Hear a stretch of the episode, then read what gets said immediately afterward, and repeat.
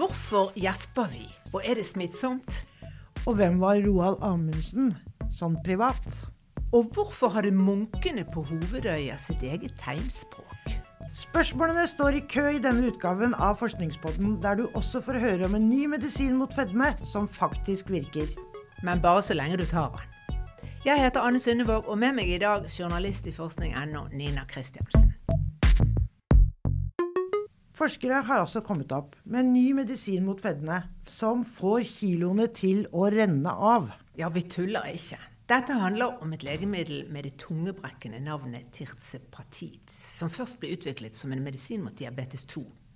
Men da forskerne prøvde ut medikamentet på pasienter med diabetes, da så de at pasientene samtidig gikk ned i vekt, så det monnet. Så da slo forskere i flere land seg sammen om en stor studie. De rekrutterte til sammen 2500 folk. Og de aller fleste av dem hadde da overvekt, men ikke bare det, de hadde også fedme. Gjennomsnittet var en BMI på 38. Det er mye, altså. Grensa mellom overvekt og fedme er nemlig 30. Og disse forsøkspersonene ble da delt i fire grupper.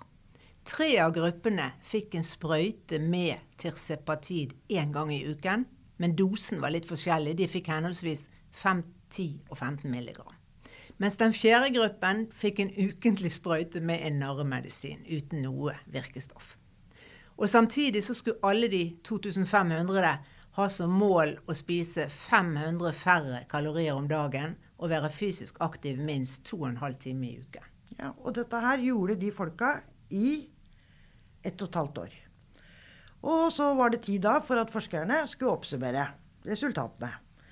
Den gruppa som ikke fikk noe som helst, altså de som bare hadde spist mindre og mosjonert mer, og ikke fikk noe ny medisin i det hele tatt, de gikk ned 2,5 kilo i gjennomsnitt. Det er jo bra prestert, det, men det er jo ikke noe å juble for. Nei, ikke på, ikke på ett og et halvt år. Så er ikke det så veldig mye. Mens de som da hadde fått maks dose av den nye medisinen, 15 mg, de hadde gått ned ti ganger så mye. De gikk i gjennomsnitt ned 24 kilo.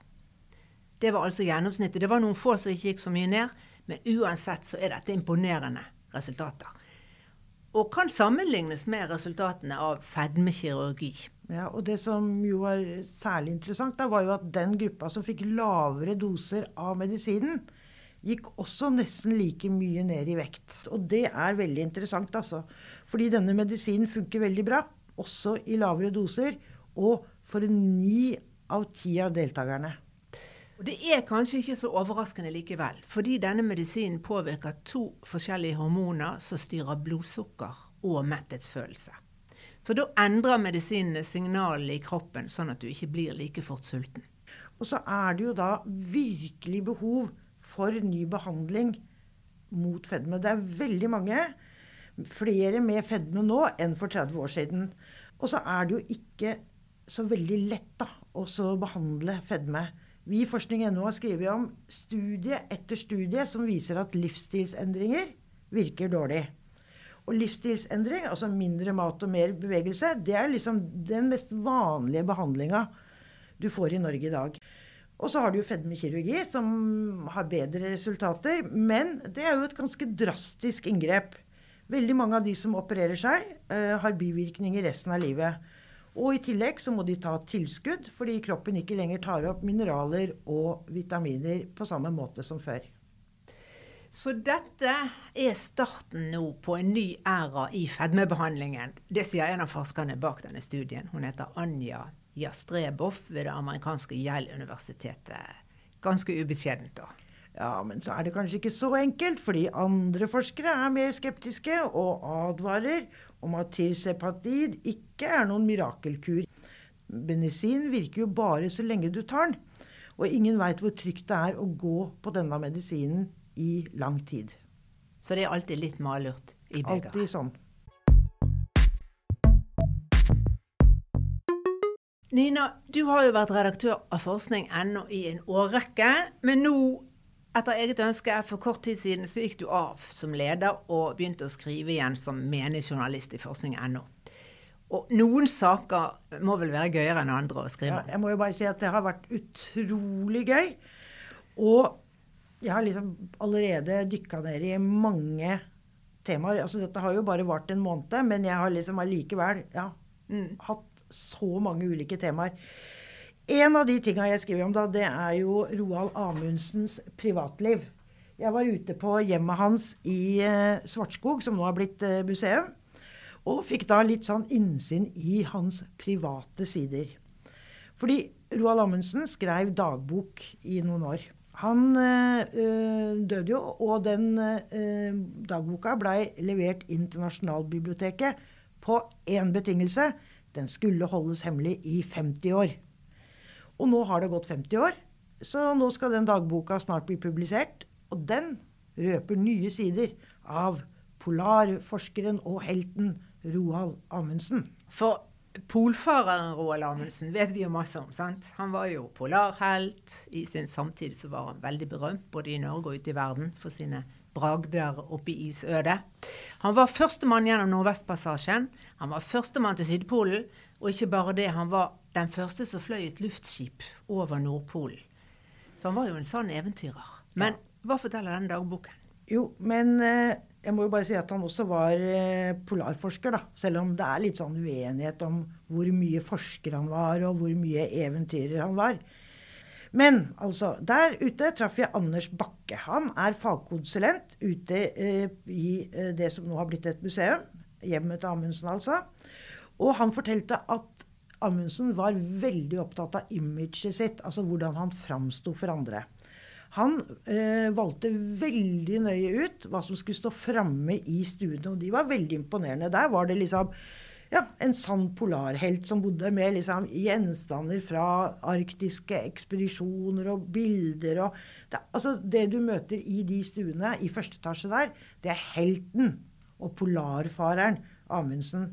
Men så hadde han jo også et privatliv, og det gjemte han bort i boden. For der var nemlig cowboyblader, romantiske romaner og alle kjærlighetsbreva.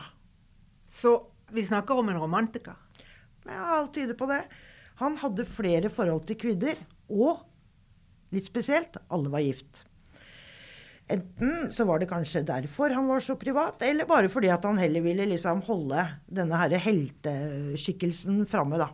Men han skrev brev, og he veldig hemmelige brev, for alle, alle, disse kjærlighetsforholdene var strengt hemmelige. Og ingen av brevene er bevart, er de det? Nei, altså de fleste er brent. Noen er kjøpt tilbake av kvinnene, og antagelig ødelagt. Eh, så brevene er stort sett borte. Men han skrev ei dagbok som han adresserte til kanskje den viktigste kjæresten hans, som heter Kiss. Og den, boka, den dagboka, som, det er den som nå blir publisert, den skrev hun i 1924 og 1925. Og da liksom snakker han da med Kiss. Ja. Hvem var hun? Ja, hun het egentlig Christine Elisabeth Gudde Bennett. Og hun var altså gift og hadde to barn. Bodde i USA. Men de besøkte hverandre, skrev brev, og så har da Amundsen en løpende dialog i dagboka, og den røper ganske mye. Altså, for der kommer liksom følelsesmennesket fram. Han lengter, han er sjalu, han er forelska, han sover på putevaret hennes som hun har sydd. ikke sant? Han bruker lommetørklærne hennes for at han da skal komme nær henne. Og alt dette måtte da være hemmelig all den tid hun var gift? da? Ja. Det var jo en skandale den gangen, eller sånne ting. Men etter hvert da, så gikk forholdet til Kiss og Roald over i et vennskap. Så starta han opp et nytt forhold, også til en gift kvinne. Hun blei ble kalt Bess. Hun heter egentlig Elisabeth Maggots og ble kalt Bess. Så da går han fra Kiss til Bess. Hun, øh, hun Bess ble hans aller siste kjæreste. Også et hemmelig forhold. Derfor så, eh, når jeg var på Svartskog, så får jeg da på skrivebordet så står kalenderen hans. Eh, og der står det, på noen dager står det bare B. Og det var de dagene hvor de da hadde kontakt, ofte på telefonen. Det kan nå i vår tid vi se av telefonregningene. Akkurat. Ja. Og så hadde de telegrafen nå den gangen. sant? Ja, ikke sant? Ja. Men han kunne jo gjort det litt enklere for seg sjøl og lett etter en dame som var fri og frank. Ja, du sier noe, men altså, vi veit jo ikke hva som foregår i, foregikk i Roald Amundsens indre. Det vi veit, er jo det han har etterlatt seg. Men iallfall, da. Så uh, Bess hun var villig til å gi opp ekteskapet for Amundsen. Så hun skiller seg uh, fra mannen, de bor i Canada, og så drar hun til Norge. Nå er vi da ved den siste våren som Amundsen lever. Vi er kommet til 1928. Han er 55 år. En mann i sin beste alder, vil noen si. Og han bor der ute på Svartskog. Det ligger ca. en time med bil utafor Oslo. Han er opptatt av de nære ting, sånn som naturen og hagen. Han skriver i denne dag, kalenderen at eh, nå skal han sette poteter, og nå har liksom humlene kommet fram. Og, ja, han er opptatt av ting rundt seg. Og så venter han på Besta, som jo skal komme til Norge. Og så skjer det noe dramatisk ute i verden. En italiener, Umberto Nobile, som Amundsen har jobba med før. De var sammen på det luftskipet Norge som du nevnte, da de eh, føyk over Nordpolen for første gang. Og han eh, da, Umberto Nobile han er da på vei til Nordpolen i et nytt luftskip som heter Italia. Og så havarerer de. Eh, det er dårlig vær, og alle livstegn opphører fra mannskapet om bord i Italia. Og dette her fordi det var stor oppmerksomhet rundt pol polferder. Så denne nyheten er i alle aviser verden over. Og Amundsen vil dra for å finne sin gamle kollega og venn. Og så er det spørsmål hvorfor vil han det. Mm. Der er det litt sånn ulike tolkninger. Noen mener at han da helt genuint vil redde Nobile fordi han føler et ansvar. Ikke sant? Han har jo masse erfaring i isen. At han ikke kan sitte stille. Og andre mener at han kanskje da vil liksom igjen da prøve å bli denne her polarhelten og redningsmannen og Ja. Så mm. det er man litt uenig om hans motiver. Da, da tolker man ja, dagbøker, men også medieoppslag. Men han ville finne han. Og det var vel ikke bare å dra? Dette kostet mye penger? Det kosta veldig mye penger. Så da måtte han jo prøve. Og eh, han prøvde seg på den norske regjeringa, han prøvde seg på gamle kontakter. Og etter mye om og men, så var det da en norsk forretningsmann i Paris som kom han til unnsetning og sa vi sender et fransk fly herfra med mannskap til Bergen, og der kan du gå om bord. Og nå er vi da kommet til 16.6.1928. Og fordi at han var en kjempehelt, ikke sant? så når han kom til Bergen, så var det jo masse folk som sto på brygga. Og massevis av journalister. Og det sier jo litt om hvor stor helt han var i sin uh, samtid. Han var en folkehelt, rett og slett. Så med stor ståhei og masse medieoppslag så går han om bord i flyet. Det letter 18.6 fra Tromsø. Og tre timer seinere så er han borte. Alle signaler er opphørt, og ingen hører fra Amundsen og de fem andre om bord noen gang igjen. Og hva med kjæresten? Bess? Ja, Det er jo det som er det litt sånn tragiske her. da. Hun kommer til Svartskog noen uker etter at Amundsen har reist, og går der og venter på at han skal komme hjem.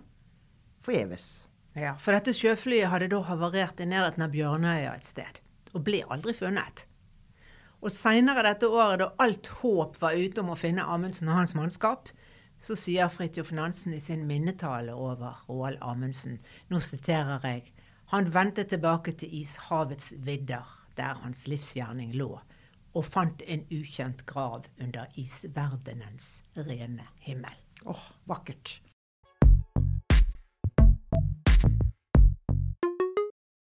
Jeg leser på forskning.no at det ikke bare døve som har utviklet et tegnspråk. Det har munker også gjort, nærmere bestemt sistersiensermunkene, som i Norge bl.a. holdt til på Hovedøya i Oslofjorden.